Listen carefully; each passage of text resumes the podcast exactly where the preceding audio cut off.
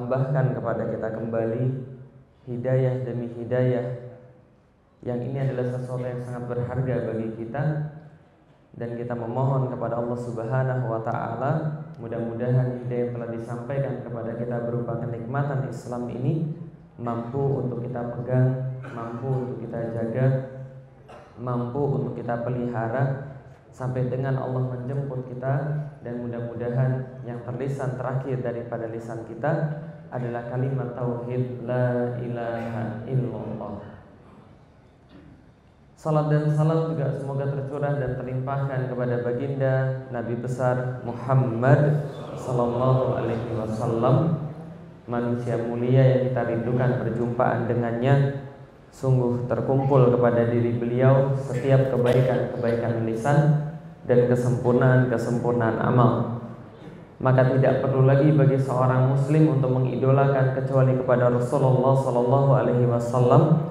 Cukup contoh daripada beliau baik contoh sebagai seorang ayah yang baik, contoh sebagai seorang sahabat yang baik, contoh daripada pemimpin yang baik dan tentunya kita memohon kepada Allah mudah-mudahan kelak ketika di yaumil kiamat Allah kumpulkan kita bersama dengan Rasulullah sallallahu alaihi wasallam berada di barisan di belakangnya berjalan di bawah benderanya dan mudah-mudahan sama-sama kita memasuki surganya Allah memandang wajah Allah dan tidak ada kenikmatan melainkan setelah di masa itu Alhamdulillah Bapak Ibu sekalian saudara dirahmati Allah pada hari ini kita bisa berjumpa kembali uh, di sebuah majelis yang berbahagia.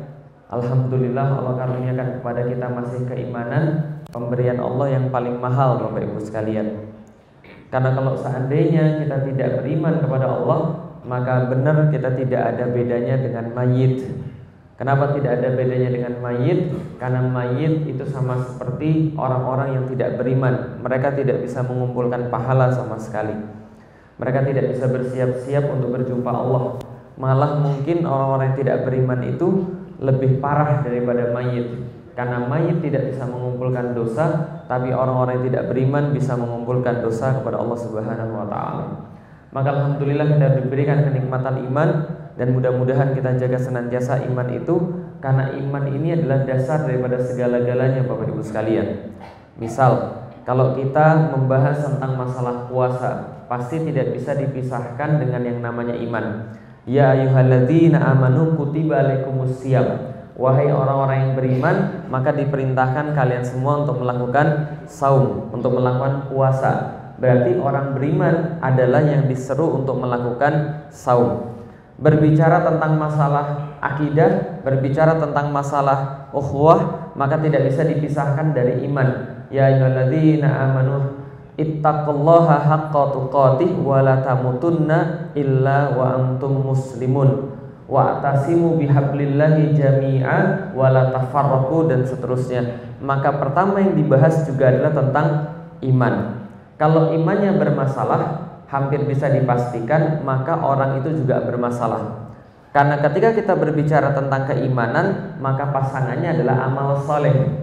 Tidak ada amal soleh tanpa adanya keimanan innalladzina amanu wa amilus solihat. Terus menerus seperti itu disampaikan di dalam Al-Qur'an. Innalladzina amanu wa amilus solihat. Terus terus disampaikan. Sesungguhnya orang-orang yang beriman dan mereka yang beramal soleh. Berarti orang yang tidak bisa beriman, orang yang tidak beriman tidak bisa beramal soleh. Maka kalau ada yang mengatakan ini ada orang gak muslim tapi soleh, itu bohong. Gak mungkin. Kenapa? Amal soleh hanya bisa dimungkinkan kalau orang itu beriman. Allah sampaikan di dalam Al-Quran perumpamaan tentang keimanan.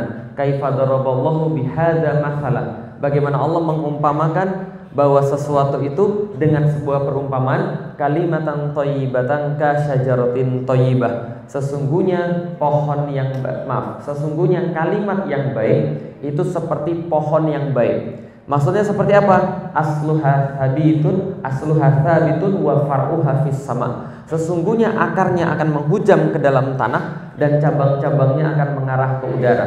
Lihat baik-baik, akar dulu masuk ke bawah tanah, baru kemudian cabang-cabangnya mengarah ke udara. Kalau dalam pelajaran pertanian, karena saya lulusan pertanian, kalau akar nggak benar, itu pasti tajuknya nggak benar. Tapi kalau akarnya benar, insya Allah tajuknya akan bagus karena ditopang dengan akar yang bagus, maka dia akan menjadi tanaman yang baik. Sama seperti yang Allah katakan, kalimat yang toibatan kasyajaratin toibah. Sesungguhnya kalimat yang baik itu seperti pohon yang baik. Dalam beberapa tafsir, ulama-ulama mengambil pohon yang baik itu seperti pohon kurma. Pohon kurma itu kalau tumbuh ke atas, ditentukan dulu akarnya di bawah. Makanya petani-petani Arab itu kalau nanam pohon kurma setelah ditugal, dimasukkan kemudian benihnya, kemudian di atasnya ditutup pakai batu. Supaya kenapa ditutup pakai batu? Supaya ketika dia pas mau tumbuh, dia nggak bisa tumbuh lebih cepat sebelum dia mentok ke batunya, lalu kemudian akarnya didalamkan lagi sampai akarnya dalam, dia cukup kuat untuk kemudian menjebol batunya, baru kemudian dia bisa tumbuh dengan sempurna. Asluha sabitun akarnya menghujam ke tanah. Baru faruha fis sama. Baru pohon kurma itu bisa menumbuhkan cabang-cabang yang mengarah ke udara mengarah ke langit. Ulama-ulama mengatakan yang dimaksud dengan akar yang baik itu adalah akidah Ketika akar yang baik sudah muncul, baru bisa tumbuh cabang. Cabang-cabang ke udara itulah yang dinamakan dengan amal soleh, kata para ulama. Nah, karena itulah yang pertama yang dibahas haruslah akar. Karena kalau akarnya gagal, maka semuanya gagal. Contoh misalnya sekalian. Berbicara tentang akidah, berbicara tentang akar. Lihat pohon yang pertama kali dilihat apanya? Batangnya, daunnya, buahnya. Akarnya kelihatan? Akarnya nggak kelihatan. Akidah juga sama. Akidah itu tidak kelihatan karena dia amal kolbu. Maka para ulama mengatakan akidah iman itu urusan hati. Tidak bisa dilihat tidak bisa dinilai. Jadi saya nggak bisa bilang oh ini bapak ini akidahnya 40% oh ini bapak ini akidahnya 98% enggak karena akidah nggak kelihatan karena letaknya di dalam hati di dalam uh, kolbu tapi bisa muncul lewat lisan, bisa muncul lewat perbuatan. Akar tanaman nggak bisa terlihat, tapi bisa dilihat indikasi kesehatan akar dari daun dan dari batang. Akidah sama, nggak bisa kelihatan, tapi dia berpengaruh dari keseluruhan kehidupan kita. Maka kalau akarnya bermasalah, bermasalah pula yang lain. Tapi kalau akarnya benar, mau ditebang berkali-kali pun di atasnya, dia tidak pernah akan rusak tanamannya. Kenapa? Karena akarnya betul. Nah, ini maksudnya.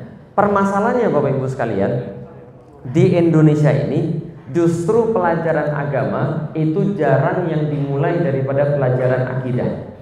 Padahal di dalam Islam yang pertama kali dimulai adalah akarnya, akidahnya. Di dalam pelajaran-pelajaran agama di Indonesia justru bukan akidah yang dimulai dari awal. Contoh, ketika Anda belajar pelajaran agama, yang pertama kali dipelajari pelajaran apa? Pas masuk SD. Pelajaran agama, pertama kali belajar apa? Hah? Langsung kitab suci. Belajarnya apa? Uh, pas masuk SD, uh, ah, pas masuk SD pelajaran agama. Pertama kali dipelajari? Rukun Islam rukun iman. Yang pertama daripada rukun Islam rukun iman adalah syahadat. Setelah belajar tentang syahadat anda belajar tentang tapi sebelum belajar tentang sholat anda belajar tentang toharoh. Air mana yang menyucikan, air mana yang tidak menyucikan, macam-macam najis, bagaimana caranya untuk berwudu, bagaimana caranya untuk sholat, apa itu rukun-rukun sholat, setelah sholat seperti apa, bacaan-bacanya seperti apa, itu semua bukan pelajaran akidah, tapi itu semua pelajaran tentang syariah, tentang what and how. Di dalam Islam, akidah itu pertanyaan why, Kenapa? Sedangkan syariah itu pertanyaan what and how. Contoh, apa itu sholat? Bagaimana caranya sholat? Apa itu puasa? Bagaimana caranya puasa? Itu pertanyaan syariah, pertanyaan fikih. Diajarkan sama anak-anak di SD sebelum diajarkan akidah. Sehingga yang muncul adalah seperti apa? Yang muncul orang-orang yang tahu apa dan bagaimana sholat apa dan bagaimana puasa, apa dan bagaimana tutup aurat, apa dan bagaimana mereka misalnya contoh untuk bersedekah, apa dan bagaimana segala sesuatu, tapi nggak mau melakukan. Kenapa? Karena mereka tahu apa dan bagaimana, tapi nggak tahu kenapa mereka harus melakukan. Bisa dipahami ibu sekalian. Ketika dipelajari apa dan bagaimana, maka muncul masalah baru. Apa muncul masalah baru? Mereka tidak menerima yang namanya perbedaan. Ketika belajarnya cuma apa dan bagaimana, sholat itu diajarin begini. Ketika mereka lihat sholat ada yang begini, nggak bisa diterima. Maka mereka bilang, ada ada kenyataan teman saya ada yang sholat begini, ada satu lagi teman saya sholat begini. Ketika mereka cuma pelajari what and how, ketika di lapangan yang begini sholat di sebelah yang begini. Kemudian yang begini bilang sama yang begini, woi kamu dari tadi sholatnya tuh ngapain sih? Saya tuh melihat kamu tuh nggak khusyuk loh dari tadi, kamu tuh gerak terus kerjaannya. Padahal kan sholat kan nggak boleh gerak. Bentar. Rezeki ya, alhamdulillah. Nah, artinya ketika begini yang melihat yang begini, mereka bingung. Loh kamu tuh ngapain? Sholatmu tuh nggak dari tadi tuh nggak khusyuk. Lah kenapa? Gerak-gerak terus. Lalu kemudian yang gini bilang, oh kamu belum tahu ya, gini tuh ada dalilnya. Ini artinya memukul syaitan. Lah yang begini bilang, lah kalau memukul syaitan begini kenapa gini-gini sekalian tanggung? Lah kenapa? Karena mereka cuma diajarin tentang what and how, diajarin fikih sebelum belajar akidah. Jadinya menyalahkan yang nggak sama dengan dia. Padahal yang paling penting pelajaran sebelum syariat, sebelum fikih adalah pelajaran akidah. Apa itu pelajaran akidah? Why? Kenapa? Karena kalau orang sudah punya kenapa, dia akan mudah untuk melakukan apa dan bagaimana. Tapi kalau dia tidak punya kenapa, walaupun dia tahu tentang apa dan bagaimana, dia tidak punya motivasi.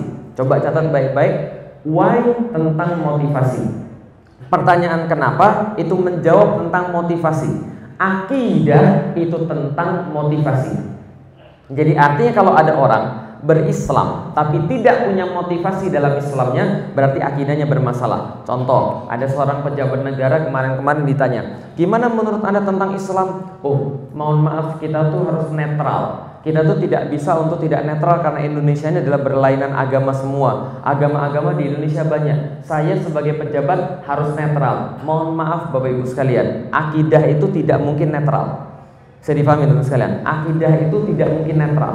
Artinya kalau Anda mengklaim bahwa diri Anda punya akidah Islam Tapi Anda tidak punya kecenderungan terhadap agama Islam Bermasalah akidah Anda Lah kenapa? Akidah tidak mungkin netral Dia motivasi Nah karena itulah teman-teman sekalian Pada hari ini kajiannya judulnya Jalan Menuju Iman dengan kata lain, kalau kita paham tentang masalah keimanan, insya Allah kita bisa paham dengan masalah ini dalam Islam. Dan saking pentingnya masalah ini, bahkan Nabi Yakub pun menjadikan ini sebagai masalah utama sebelum beliau meninggal ketika beliau berbicara dengan anak-anak beliau.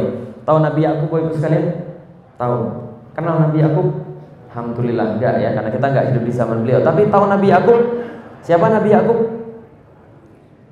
Katanya tahu. Siapa Nabi Yakub? Nabi, bagus. Bapaknya Nabi Yusuf lumayan. Nabi Yakub itu adalah seorang nabi yang bergelar sebagai Israel. Jadi gelarnya Israel, artinya kekasihnya Allah. Jadi Israel ini adalah nama lain daripada Nabi Yakub. Yakub atau Israel ini punya 12 anak. 12 anak itulah yang kita kenal dengan nama Bani Israel. Anak-anaknya Israel. Ada 12 salah satunya yang Bapak sampaikan tadi Namanya Nabi Yusuf. Yang katanya Nabi yang paling ganteng. Ibu-ibu kalau lagi hamil biasanya favoritnya baca surat Yusuf. Supaya katanya anaknya jadi ganteng gitu kan ya? Ibu-ibu itu lupa bahwa ganteng itu banyak masalah. Wah oh, sekalian Ingat baik-baik yang mengharap anaknya ganteng, saya kasih tahu fitrah orang ganteng itu punya banyak masalah. Nabi Yusuf ganteng, betul, tapi dia punya banyak masalah. Dari lahir pun dia sudah punya banyak masalah. Lah kenapa? Itu adik kakaknya iri sama, kakak kakaknya iri sama dia ini adik saya ini, ini gara-gara dia bapak kita jadi nggak sayang sama kita lagi, jadi nggak perhatian sama kita lagi, jadi nggak cinta sama kita lagi. Kita apain ini adik kita? Kita bunuh aja. Oh jangan, kita ini aja, kita asingkan dia saja. Akhirnya dibawa adiknya, sudah bapaknya bilang jangan. Oh enggak pak, kami ajak main-main. Setelah dibawa, diceburkan ke dalam sumur ditinggalkan di situ dibilang bapaknya adiknya sudah mati. Kemudian adiknya diangkat sama seseorang bukan untuk ditolong untuk dijual sebagai budak dengan harga yang sedikit masalah lagi. Lalu kemudian bekerja sebagai budak masalah. Lalu kemudian digoda sama cewek masalah lagi. Anda masih ingat godanya kayak apa? Nah, masih ingat robek depan atau robek belakang Kalau robek belakang berarti Yusuf yang benar. Kalau robek depan berarti Yusuf yang salah. Ternyata robeknya robek robek belakang. Alhamdulillah. Kalau orang Bogor saya yakin gak ada yang robek. Nah, kenapa sudah buka baju duluan? masalah lagi masuk penjara masalah lagi keluar dari penjara masalah lagi orang ganteng itu selalu fitrahnya dapat masalah paham ibu sekalian seperti di depan anda ini banyak masalah kan kan ya? ya balik lagi ke Bani Israel 12 Bani Israel itu Yusuf kemudian menurunkan nabi-nabi yang lain Kemudian ada Nabi Musa, ada Nabi Harun, ada Nabi Isa, ada Nabi Muhammad dan seterusnya. Semuanya lahir daripada anak-anaknya Bani Israel itu. Atau yang di atasnya adalah Yakub. Nah, coba lihat, Yakub pas meninggal itu apa yang dia sampaikan pada anak-anaknya? Bukan nanya ibumu mana, bukan nanya hartanya berapa, bukan nanya apa pun, tapi yang ditanya adalah ma ta'buduna min ba'di. Siapa yang kalian sembah setelah saya wahai anak-anak? Bayangkan dia seorang nabi langsung dapat wahyu daripada Allah Subhanahu wa taala kakek-kakeknya nabi sesepuh-sesepuhnya nabi anak-anaknya nabi cucu-cucunya nabi sampai turunan ke bawah-bawahnya semua jadi nabi tapi masih khawatir anaknya bakal murtad daripada agama yang awal jadi paham sekalian ini adalah seorang nabi. Sayangnya kita, ini orang-orang biasa, gak pernah ketemu dengan Jibril, gak pernah dapat wahyu langsung daripada Allah. Bapak kita bukan nabi, anak kita gak ada yang jadi nabi, tapi merasa aman dengan akidahnya. Maka wajar apa yang terjadi Bapak Ibu sekalian? Yang terjadi adalah setiap bulan ada SMS datang ke saya. Assalamualaikum Ustaz, mohon maaf saya boleh minta ketemu Ustaz. Lah kenapa? Ini Ustaz anak saya ada yang mau murtad. Kenapa? Karena pacaran sama orang kafir Ustaz. Dalam hati saya, saya bingung mau mulai dari mana kalau masalah-masalah kayak begini. Paham sekalian? Kenapa? Coba camkan baik-baik, masalah nggak pernah datang instan. Ya, masalah tidak pernah datang instan. Maka nyelesainya nggak mungkin instan juga. Jadi jangan cari Ustaz kalau sudah bermasalah, karena masalah Anda masih susah untuk diselesaikan selesaikan. Lah kenapa? Karena masalah itu tidak pernah datang instan. Masalah itu pasti sudah lama munculnya. Maka menyelesaikan masalah tidak mungkin instan. Bisa nggak Ustaz ketemu anak saya supaya anak saya balik lagi dalam Islam? Kalau anaknya sudah nggak mau ketemu, anaknya nggak mau dengar, mau seorang nabi pun yang menyampaikan, tetap nggak akan bisa masuk Islam. Bisa dipahami Ibu sekalian. Kalau andaikan memberikan iman, menanamkan iman itu ada formulanya, maka Abu Thalib sudah masuk Islam. Bisa dipahami Ibu sekalian. Ternyata kan nggak bekerja dengan cara seperti itu. Nah, maka kemudian apa yang bisa kita lakukan? Dari sekarang kita kemudian bikin gimana caranya agar anak-anak kita tahu tentang akidah yang benar, tahu tentang pertanyaan akidah yang benar, sehingga kita sudah mati suatu saat pun kita bisa merasa aman bahwa anak kita masih menyembah kepada Allah Subhanahu wa taala. Nah, salah satu ciri-ciri orang-orang yang tidak bertanggung jawab akan akidahnya adalah mereka tidak membahas tentang masalah akidah itu. Makanya Imam Syafi'i mengingatkan seorang yang balik kewajiban pertama dia adalah mencari dalil bahwa Allah itu ada dan Islam itu benar. Jadi mencari dalil, mikir sehingga dapat bahwa Allah itu ada, Islam itu benar. Pertanyaannya Bapak Ibu sekalian, kenapa kita jadi seorang muslim? Kenapa kita jadi seorang muslim kira-kira Bapak Ibu sekalian? Kalau ditanya sama orang-orang Indonesia kira-kira jawabannya apa? Karena Islam adalah agama yang terbaik. Bagus. Tahu dari mana Islam agama yang terbaik? Tahu dari Al-Qur'an, Ustaz. Kuntum khairu ummah, adalah umat yang terbaik yang dilahirkan ke tengah-tengah manusia, surat Ali Imran. Bagus. Tahu dari mana bahwa Al-Qur'an itu benar? Hah? Ustaz. Ustaz tahu dari mana kalau Al-Qur'an itu benar? Dari ustadznya. Ustadznya tahu dari mana kalau Al-Qur'an itu benar? Ustadznya lagi, ustadznya lagi tahu dari mana? Sama, ustadznya lagi karena dari dulu sudah begitu. Oke baik, kalau gitu kenapa Al-Quran benar? Karena Allah yang bilang Al-Quran benar. Di mana? Di Al-Quran. Kenapa kita beriman pada Al-Quran? Karena itu salah satu daripada rukun iman. Kenapa kita tahu dan rukun iman itu salah satunya adalah percaya pada Al-Quran. Rasul yang bilang. Tahu dari mana Muhammad adalah Rasulullah? Tahu dari Al-Quran. Kenapa percaya dengan Al-Quran? Balik lagi. Oke, baik sekalian coba perhatikan. Duluan mana? Telur atau bebek? Telur atau bebek? Telur nggak mungkin kalau nggak dari bebek nggak mungkin kalau nggak dari. Berarti duluan mana? Telur atau bebek? Bebek atau telur? Oh itu mah duluan mana kalimat saya gitu kan ya? Bukan begitu maksudnya. Kalau Anda masih bingung yang mana duluan antara telur sama bebek, itulah makanya jawaban Anda selalu bermasalah. Di dalam dunia logika namanya cyclic formula. Sesuatu menjadi A karena ada B. Kenapa B? Karena A. Kenapa A? Karena B. Oke, coba dengar. Ini lucu atau tidak? Coba dengar. Coba dengar. Uh, coba dengar. Ada dua orang bercakap-cakap. Eh, percakapannya begini. Ada satu orang bilang begini. Eh, menurutmu Felix Xiao tuh gimana sih? Satunya lagi bilang, orangnya baik, Mas. Kamu tahu dari mana kalau dia orangnya baik? Oh iyalah, karena dia bilang bahwa dia orang baik. Loh kok kamu percaya kalau dia orang baik? Lah iyalah, dia kan nggak pernah bohong. Kok kamu tahu dia nggak pernah bohong? Dia kan orang baik. Paham ibu sekalian? Aneh atau tidak? Nah bayangkan kalau anda ketawa melihat percakapan kayak begini, bagaimana kalau andaikan akidah itu berdasarkan model-model kayak begini?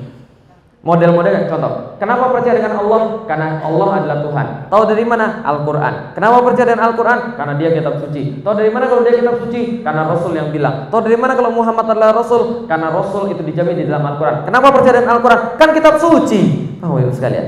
Ini adalah model, mohon maaf, model akidah agama-agama selain Islam. Modelnya klaim. Modelnya klaim tanpa bukti dan muter-muter begitu saja. Masalahnya penyakit ini sekarang masuk ke dalam orang-orang muslim. Pertanyaan muter-muter sehingga hasilnya meragukan model-model kayak begini biasanya imannya nggak kuat makanya agamanya nggak kuat. Nah makanya pada hari ini bapak sekalian kita akan sedikit belajar tentang akidah dan ada tiga pertanyaan yang bisa membuat kita paham tentang bagaimana sebenarnya akidah itu. Kalau nggak kelihatan ke depan nggak apa-apa perhatikan saja eh, kata-kata saya. Pertanyaan yang pertama dari mana asal manusia? Pertanyaan yang kedua, akan ke mana manusia setelah mati? Dan pertanyaan yang ketiga, ngapain manusia di dunia ini? Gampangnya begini, past, present, future. Sekarang kita ini ngapain? Besok nanti kita di mana dan ke mana? Dan kita dulu itu dari mana? Ini kemudian pertanyaan yang insya Allah kalau kita jawab akan memberikan akidah yang mantap kepada kita dan jawabannya nggak muter-muter lagi. Dan ini pertanyaan yang muncul kepada saya ketika saya sudah balik, Ibu sekalian. Jadi ketika saya sudah balik, saya dilahirkan dalam keadaan beragama Kristen Katolik. Lalu kemudian eh, ketika saya sudah balik, saya mulai mikir. Mikirnya begini sekalian. Sebenarnya yang saya lakukan ini benar atau tidak? Saya cari, ini benar atau tidak? Tuhan saya siapa? Ketika saya punya pertanyaan Tuhan saya siapa, saya sempat nanya pada pastor. Ini cerita saya tidak bermaksud untuk apa pun, saya cuma cerita tentang cerita saya saja. Mau yang lain ceritanya berbeda, silahkan. Saya ketika bertanya pada pastor, saya tanya begini, Pastor, Tuhan saya siapa? Lalu kemudian dijawab Tuhanmu adalah Tuhan pencipta semesta alam Allah yang maha kuasa. Kalau gitu saya tanya kenapa Tuhan harus ada tiga? Karena memang begitulah ceritanya dari dulu di dalam Alkitab Begitulah ceritanya Tuhan ada tiga. Saya tanya lagi kenapa Tuhan nggak empat saja atau Tuhan nggak lima saja kalau tiga kan bisa berbuat yang seperti ini, kalau empat kan bisa lebih banyak lagi, lebih bagus lagi. Kalau lima kerjanya cepat selesai, kan lebih banyak lebih bagus. Lalu kemudian pastornya bilang gini, Lik, kamu nggak boleh banyak tanya tentang perkara-perkara seperti ini. Kalau kamu tanya, nanti kamu tidak beriman. Lalu beriman itu apa, pastor? Beriman adalah percaya tanpa banyak tanya, karena kalau kamu banyak tanya, berarti kamu belum beriman. Faham maksudnya? Oke, berikutnya kemudian saya nggak banyak tanya lagi, tapi tiba-tiba suatu waktu ketika saya baca lagi buku-buku pelajaran agama, di situ kemudian ada tulisan begini. Sebelum mati di kayu salib, Yesus mengucapkan Eli Eli lama sabahtani. Tuhan Tuhan, kenapa engkau meninggalkan aku? Saya tanya lagi, lah ini kan Tuhan. Kenapa dia panggil Tuhan yang lain? Kenapa dia nggak turun aja dari salib? Kenapa dia panggil Tuhan yang lain? Karena dia mati untuk menebus dosa manusia. Berarti Tuhan yang mati? Iya. Tapi dia bangkit lagi setelah hari ketiga. Tapi kan mati dulu? Iya. Berarti Tuhan mati? Iya. Lalu bangkit lagi kan? Iya. Tapi kan mati dulu. Lalu kemudian dia bilang, Lik ini nggak boleh dipertanyakan. Kalau kamu banyak tanya lagi, berarti kamu tidak beriman. Saya bilang begini, kalau semua kita nggak usah, uh, uh, kalau semua kita tidak boleh tanya, berarti ngapain Tuhan ngasih kita akal?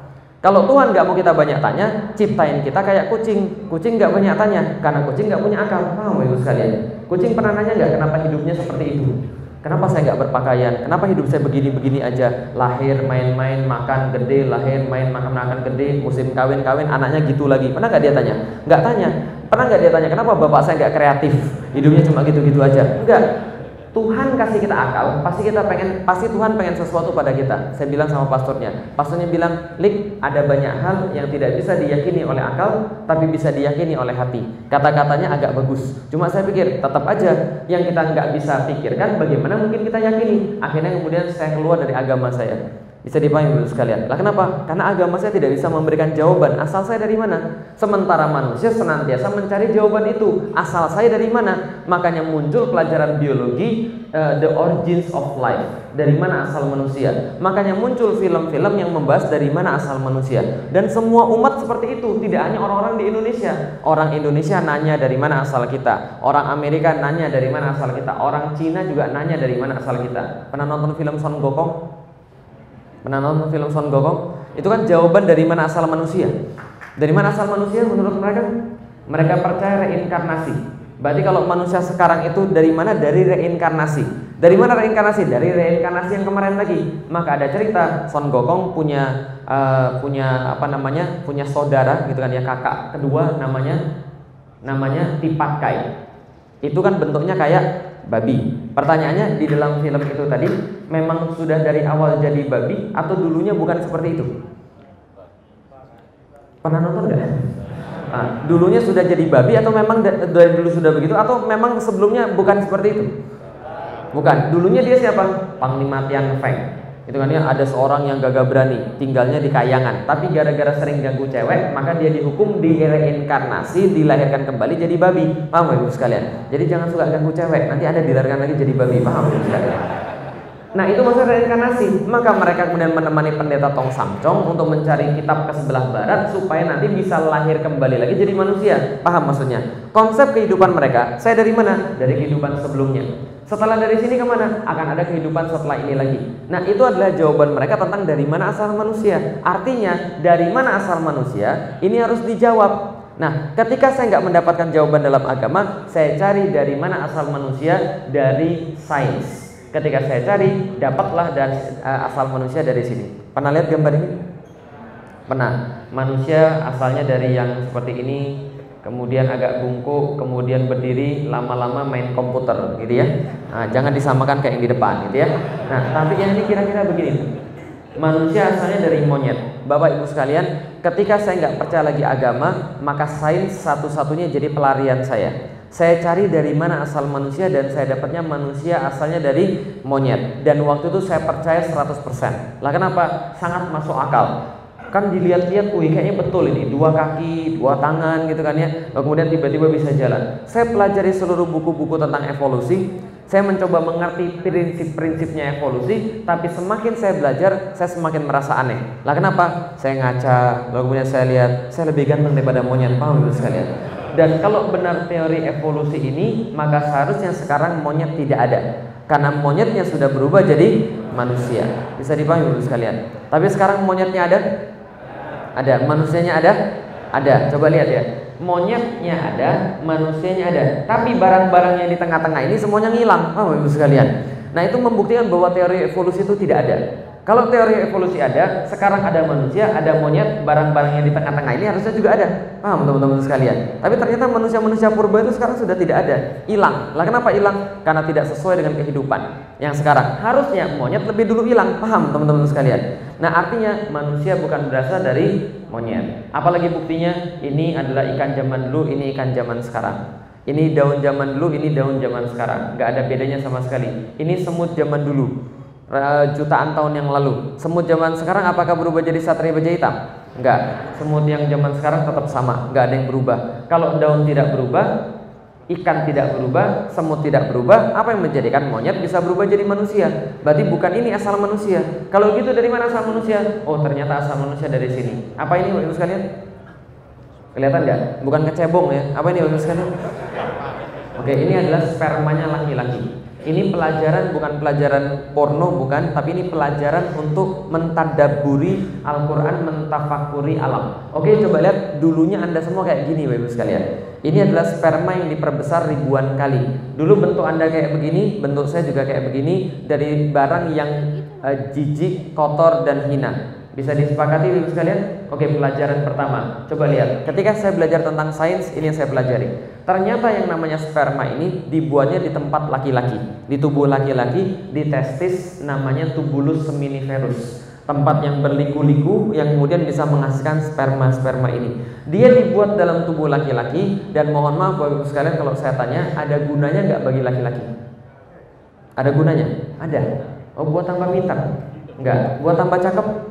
Enggak. Buat tambah kuat? Enggak. Enggak ada gunanya sama sekali. Seluruh ilmuwan sepakat laki-laki yang tidak punya sperma pun tetap akan bisa hidup dengan normal. Oh, boleh sorry, hidup normal tidak, gitu kan ya? Hidup tapi. Nah artinya dia tidak ada gunanya sama sekali bagi laki-laki. Gunanya apa, Bapak Ibu sekalian? Seluruh ilmuwan sepakat gunanya adalah satu-satunya masuk ke dalam tubuh perempuan lalu kemudian membuai sel telur untuk menghasilkan individu yang baru. Sepakat Bapak Ibu sekalian? Perhatikan. Dibuat dalam tubuh laki-laki tidak ada gunanya dalam tubuh laki-laki, satu-satunya gunanya pada tubuh perempuan. Dan selama sejarah perspermaan tidak pernah ada cerita sperma keluar dari tubuh laki-laki masuk dalam tubuh wanita lalu balik lagi dalam tubuh laki-laki. Betul begitu? Berarti kesimpulannya sperma tidak tahu apa pun tentang dunia luar. Sepakat sampai sini? Oke, ternyata dia tahu semua tentang dunia wanita. Aneh kan ya? Contoh, Bapak Ibu pernah pergi ke Skandinavia? Dengar Raja Baru? Kalau belum pernah pergi ke sana, wajar nggak kalau Bapak Ibu tidak tahu jalur-jalur angkot di Skandinavia? Wajar nggak kira-kira? Oh bahkan kita nggak tahu di situ ada angkot atau tidak, wajar ya. Tapi ternyata ini tidak berlaku bagi sperma. Dia tujuan satu-satunya ke sana, tidak pernah ke sana, tapi tahu persis tentang dunia perempuan. Apa yang dia tahu? Dia tahu satu, perempuan punya racun yang namanya racun asam. Racun asam ini dipasang di gerbangnya perempuan dan bisa bunuh barang-barang kayak sperma ini dalam waktu 2 detik. Berapa lama? 2 detik. Pertanyaan saya Ibu sekalian, sperma sekali keluar berapa banyak? Oh, sudah ada yang menang hitung ya, miliaran. berapa banyak sekali keluar? Rata-rata sekali keluar setengah miliar. Berapa sekali keluar? Rata-rata seseorang laki-laki sekali keluar rata-rata setengah miliar atau 500 juta. Bayangkan 500 juta barang-barang kayak begini kita suruh baris. Anggaplah manusia 500 juta. Baris. Itu 1 2 3 4 5 6 7 500 juta. Oke, sudah siap. Siap. Serbu pasukan pertama mati, pasukan kedua mati, pasukan ketiga mati, pasukan keempat mati, yang paling belakang mundur. Lah kenapa? Gua ogah ikut-ikutan mati. Lah kenapa? Karena disiram racun tadi dua detik langsung mati. Lalu kemudian yang paling belakang bawa sampel racunnya balik lagi, komandan, mohon maaf, saya pulang dengan penuh kehinaan. Kita sudah melihat saudara-saudara kita mati. Pak Komandan 499 juta 999 999 hanya saya yang tersisa, tapi saya tidak pulang dengan sia-sia. Saya bawa ini racun yang membunuh saudara-saudara kita. Mari kita teliti, kita buat penawarnya, kita balas dendam pada mereka. Apa yang terjadi seperti itu? Enggak, tapi ternyata yang terjadi adalah sperma-sperma semua 500 juta itu ketika masuk dalam tubuh perempuan mereka sudah pakai helm Bapak sekalian. Helm basah namanya Bapak sekalian. Ini serius nggak percaya? Mereka pakai helm penawar racun ibu sekalian. Jadi mereka aman, mereka tidak terluka oleh racunnya. Setelah kemudian lewat racunnya, ada halangan yang kedua, namanya halangan tempat lokasi. Cewek punya dua pabrik, pabrik sebelah kiri dan pabrik sebelah kanan. Kadang-kadang keluar dari sebelah kiri sel telurnya, kadang-kadang keluar dari kanan sel telurnya. Dua pabriknya keluar dua bulan sekali sel telurnya. Jadi masing-masing bergantian sebulan sekali. Ngomong-ngomong, ketemuannya sperma sama ovum di mana? Nah ini pasti anak IPS yang jawab rahim. Kalau anak IPA jawabannya tubal falopi gitu. Jadi uh, lorong sebelah kiri atau lorong sebelah kanan Ibu sekalian. Rahim itu di tengah-tengah. Rahim itu tempat munculnya, sorry, tempat di uh, di tumbuh kembangkannya janin. Tapi kalau ketemuannya bukan di situ, ketemuannya di tuba falopi, sebelah kiri atau sebelah kanan. Jadi sel telur nunggunya di sebelah kiri dan sebelah kanan atau sebelah kanan nunggu dijemput sama sperma. Jadi kejadiannya apakah begini? 500 juta serbu ratu sudah kita lewati. Yang paling depan bilang sebentar teman-teman sekalian. Jangan terburu-buru karena terburu-buru adalah perbuatan syaitan. Kita harus teliti ini lewat mana sebelah kiri atau sebelah kanan. Karena kalau kita nyasar kita nggak ketemu dengan sel telur. Yang belakang bilang ya sudah pak karena kita adalah spermanya orang Indonesia kita rapat dulu aja lah. Oh ya sekali karena orang Indonesia hobinya sekali setelah rapat mereka bilang, oke okay, ada usul, usul pak, gini aja. Gimana kalau kita 50-50 aja pak? 50 sebelah kiri, 50 sebelah kanan. Somehow kita akan dapat yang mana sel telurnya. Yang belakang bilang, gak sepakat, bersatu kita teguh, bercerai kita runtuh, jangan setengah-setengah. Kita harus tetap bersama-sama. Pokoknya kita bersama-sama apa pun yang terjadi. Terus gimana saran anda? Kalau saran saya, kita SD audience saja pak atau call of friends sekalian gitu kan ya? Nggak terjadi begitu Bapak sekalian. Tapi yang terjadi adalah ketika sperma masuk ke dalam tubuh perempuan maka ini coba 500 juta sperma itu semuanya mereka itu 500 juta langsung berlomba menuju pada satu titik untuk jadi yang paling kuat, paling cepat, paling hebat. 500 juta mereka langsung racing jadi yang paling cepat, paling kuat, paling hebat, yang paling cepat, paling kuat, paling hebat jadilah Anda. Jadi Anda itu sudah yang paling bagus di antara 500 juta. Jadi jangan minta lagi lebih bagus lagi. Lah kenapa? Kalau Anda minta lagi lebih bagus, itu tidak bersyukur namanya. Coba hidung saya lebih mancung, coba mata saya lebih gede, coba alis saya lebih tebal. Itu nggak terima kasih namanya. Lah kenapa? Coba kalau yang masuk nomor dua, itu bisa jadi lebih jelek lagi daripada sekarang. Paham ibu sekalian? Nah itu yang masuk sudah nomor satu di antara 500 juta. Pertanyaan saya ketika saya belajar tentang biologi adalah Bapak Ibu sekalian, kok bisa 500 500 juta itu tahu arah yang benar? Semuanya nggak ada yang koordinir tapi tahu. Oh ternyata jawabannya karena mereka sudah SMS-an. SMS dikirim oleh sel telur. SMS diterima. Saya sebelah kiri bro, sebelah kiri semua paham Ibu sekalian. Lah ternyata sudah ada metode komunikasi. Tadi sperma tadi masuk dalam tubuh wanita bawa helm. Setelah kemudian lewat tempat racun, helmnya dibuka keluar antena paham ya sekalian? Nah ini mungkin kayaknya kayak kayak komik aja. Tapi ini terjadi. Dia keluar antena yang bisa untuk menangkap sinyal-sinyal yang dikeluarkan oleh sel telur. Pertanyaan saya pas saya belajar biologi kapan gantian nomornya? Paham ya sekalian? Lihat baik-baik. Saya punya handphone anda punya handphone sinyalnya ada. Tapi anda bisa ngubungin saya? Nggak bisa. Kenapa nggak bisa? Karena nggak punya nomor saya. Apalagi kalau soalan yang seperti ini, ada sperma, ada ovum yang buat sinyalnya siapa, yang buat alat komunikasinya siapa, receivernya siapa, lalu kemudian broadcasternya siapa, dan ada kemudian nomor yang tepat. Bagaimana ini bisa terjadi? Saya mulai mikir, jangan-jangan Tuhan ini ada. Lah kenapa? Keluar daripada agama saya yang lama, saya bilang Tuhan sudah mati. Tuhan nggak ada. Agama itu cuma rekaan manusia saja. Cerita manusia supaya orang mau taat saja. Enggak, agama nggak ada. Tapi mikir begini Bapak sekalian, saya mikir di kepala saya, jangan-jangan Tuhan ini ada. Lah kenapa? Karena saya nggak punya jawaban yang lain selain Tuhan ini pasti ada. Jangan-jangan Tuhan ini ada. Lalu belajar lagi yang lain. Lihat Bapak sekalian. Ini gambar bumi dibandingkan dengan planet-planet yang lain. Pelajaran saya ketika fisika, Nah ini adalah kemudian bumi, mana bumi? Ini. Bogor. Nah ini. Kelihatan? Enggak, berarti Anda normal. Kalau Anda lihat berarti Anda bisa paranormal ya. Indonesia 250 juta orang di situ. Dunia 6 miliar manusia ada di sini. Dibandingkan dengan Venus, Mars, Merkurius, Pluto, kita paling besar. Tapi apakah kita adalah planet yang paling besar? Oke, lihat Bapak sekalian, Jupiter dibandingkan dengan bumi. Diadu kira-kira menang siapa? Yang gak usah tanya Bapak sekalian. Ini adalah Jupiter dibandingkan dengan bumi. Apakah Jupiter yang paling besar? Ada benda langit yang lain yang lebih besar, namanya matahari. Ini matahari kita baru mulai muncul, ini bumi. Lihat, sudah jadi upil. Jupiter yang tadi anda, anda lihat hebat kuat besar sekarang kalah oleh matahari. Matahari besar untuk sekalian? Wow, gede ternyata. Apa ada yang lebih besar daripada matahari? Ada, namanya bintang Arcturus. Nah, ini bintang Arcturus. Ini adalah matahari. Sirius, Pollux, Arcturus. Anda tadi lihat ini keren, seneng. Sekarang ini ada yang lebih besar lagi namanya Arcturus. Buminya mana? Ada? Ada. Kelihatan? Enggak. Berarti nggak semua yang anda nggak bisa lihat itu nggak ada ya. Paham ibu sekalian? Buminya ada tapi anda nggak bisa lihat. Ini Arcturus. Apakah ada yang lebih besar daripada Arcturus? Ada. Namanya bintang Antares. Ini Antares. Betelgeuse ini yang paling dekat dengan matahari. Jadi kalau suatu saat kata para ilmuwan matahari kita redup terus hilang, maka semuanya akan ketarik ke Betelgeuse gravitasinya. Kalau ketarik apa yang terjadi? Ya bacalah surat Al-Zalzalah itu ya. Nah, inilah kemudian Betelgeuse, Antares, Aldebaran, Arcturus yang tadi Anda lihat sudah jadi kecil. Matahari Anda bisa lihat. Tadi matahari yang besar banget tadi yang bumi jadi upil tadi masih lihat masih ingat gambarnya? Sekarang sudah nggak kelihatan matahari. Buminya mana? Manusianya mana? Oke, baik sekalian coba lihat baik-baik. Ini paling besar. Kalau kita teruskan dua bulan nggak akan selesai-selesai. Bayangkan barang-barang yang sebesar ini di alam semesta kita jumlahnya ada ratusan miliar. Bayangkan ada ratusan miliar barang-barang yang besar-besar kayak begini. Belum teridentifikasi semuanya Ibu sekalian. Di galaksi Bima Sakti kita ada miliaran barang-barang kayak begini dan mereka semuanya muter dengan orbit tertentu yang tidak pernah bergeser bahkan satu senti pun selama jutaan tahun. Dan semuanya muter itu barang-barang ratusan miliar itu semuanya muter dan gak pernah tabrakan dari dulu sampai sekarang.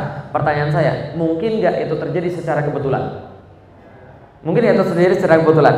Dari sini saya mikir kayaknya Tuhan benar-benar ada lah ternyata saya tanya, berapa kemungkinan semua ini terjadi secara kebetulan? Sudah ada yang pernah ngitung. Berapa kemungkinan segala macam alam semesta ini yang segala pergerakannya terjadi secara kebetulan? Ternyata ada yang pernah ngitung per, e, probabilitasnya. P sama dengan sepersepuluh pangkat 10 pangkat 1, 2, 3. Berapa ini? Tolong dosen matematik.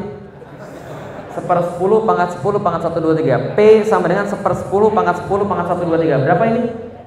Oke, belajar matematik dikit ya.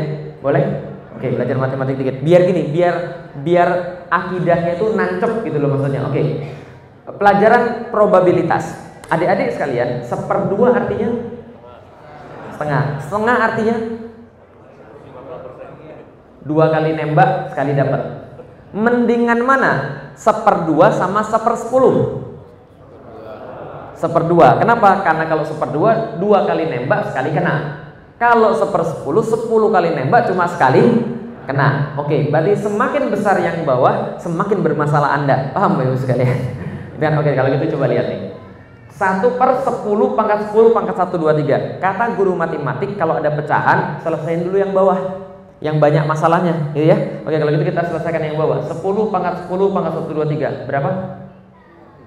Masih masalah. Oke, kata guru matematik jangan lihat yang ini, lihat dulu yang atasnya. 10 pangkat 1, 2, 3 berapa? Banyak, nah, ini pasti jawaban anak IPS gitu kan ya. Banyak gitu kan Oke, kita selesaikan 10 pangkat 1, 2, 3 10 pangkat 1 berapa? 10 pangkat 2 10 pangkat 3 10 pangkat 6 Oke, sudah lihat ada ada persamaannya? Lihat ya, 10 pangkat N sama dengan 1 yang diikuti oleh 0 sebanyak N Contoh, 10 pangkat 6 berarti 1 di belakangnya nolnya ada 6. 10 pangkat 10 berarti 1 di belakangnya nolnya ada Oke, sudah bisa nyelesain. 10 pangkat 1 2 3 berarti 1 di belakangnya nolnya ada Oke, sudah mulai bagus. Lihat. Ratusan berarti nolnya ada 2. Ribuan berarti nolnya ada 3. Jutaan berarti nolnya ada Oke, kalau nolnya belakangnya 123 namanya apa? Oke, okay, berarti pangkat sepuluh pangkat satu dua tiga sama dengan more than impossible. Lebih dari tidak mungkin bahwa alam semesta terjadi secara kebetulan. Paham Ibu sekalian? Oke, teori Big Bang yang paling terkenal untuk menjelaskan dari mana alam semesta. Big Bang artinya ledakan besar.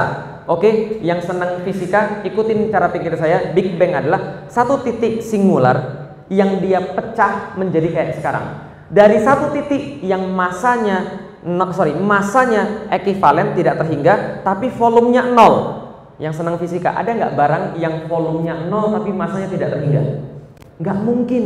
Karena dalam fisika setiap massa pasti punya volume, setiap volume pasti punya massa. Setiap yang menempati volume pasti punya massa. Setiap yang punya massa pasti menempati ruang. Bisa dipahami sekalian. Ini ada satu titik yang nggak bisa dijelaskan. Massanya tidak terhingga, volumenya nol. Pecah menjadi sekarang, volumenya tidak terhingga, massanya tidak terhingga karena terus membesar terus Bapak sekalian. Nah, pertanyaannya adalah mungkin nggak semuanya terjadi secara kebetulan? Gampangnya gini, Anda bawa dinamit pergi ke Masjid Mahabbatur Rasul, ngeledakin dinamitnya, setelah terjadi ledakan ada masjid lebih bagus. Kira-kira mungkin atau tidak? Nah, makanya mereka bilang probabilitas bahwa Tuhan tidak ada sama dengan sepersepuluh pangkat sepuluh pangkat satu dua tiga alias tidak mungkin Tuhan tidak ada. Berarti Tuhan pasti paham sampai di sini Bapak sekalian. Oke, ateis bilang begini. Ateis bilang Tuhan nggak ada. Loh kok Tuhan nggak ada? Kamu kan nggak bisa buktiin Tuhan ada. Bapak Ibu sekalian, kita memang tidak bisa membuktikan Tuhan itu ada secara secara metode ilmiah. Tapi mereka juga tidak bisa membuktikan Tuhan tidak ada secara metode ilmiah. Bingung. Oke, coba. Uh, yang S1? Yang S1 mau ngetes dulu. Pernah kerjain skripsi? Ada metode ilmiah? Uh, ketika sorry, Hipotesis ada hipotesis? Hipotesis ada berapa? Ada dua, H0 dan H1. Untuk apa ada H0 dan H1? Supaya penelitian kita bisa terbukti benar atau salah. Karena kalau kita mau menyalahkan sesuatu harus ada bukti, mau membenarkan sesuatu harus ada bukti. Itu namanya metode ilmiah. Kalau bahas pakai metode ilmiah, Tuhan nggak akan bisa dibahas. Lah kenapa orang tidak ter, eh, tidak terindra? Kalau saya S1 skripsinya begini ceritanya pengaruh nitrogen pada produktivitas tanaman manggis. Bisa nggak untuk diukur? Bisa. Manggisnya kelihatan, buahnya kelihatan, segalanya kelihatan. Kalau bahas metode ilmiah nyari Tuhan, Anda nggak akan bisa ketemu. Nah kenapa? Orang-orang ateis salahnya di sana. Tuhan nggak ada. Kenapa? Tidak terbukti dengan metode ilmiah. Hati-hati. Kalau Anda mengatakan Tuhan tidak ada karena tidak bisa dibuktikan dengan metode ilmiah, maka Anda harus membuktikan juga bahwa Tuhan tidak ada dan mereka nggak bisa melakukan. Maka satu-satu. Paham ibu sekalian? Tapi kalau kita bisa membuktikan Tuhan tidak mungkin tidak ada, berarti Tuhan pasti. Pakainya apa? Metode rasional, bukan metode ilmiah. Metode rasional beda dengan metode ilmiah. Metode rasional lebih gampang dan lebih pasti. Contoh, Bapak Ibu sekalian, Anda yakin nggak Anda punya kakek, kakek, kakek, kakek, kakek, kakek sampai 10 buyut? Yakin nggak?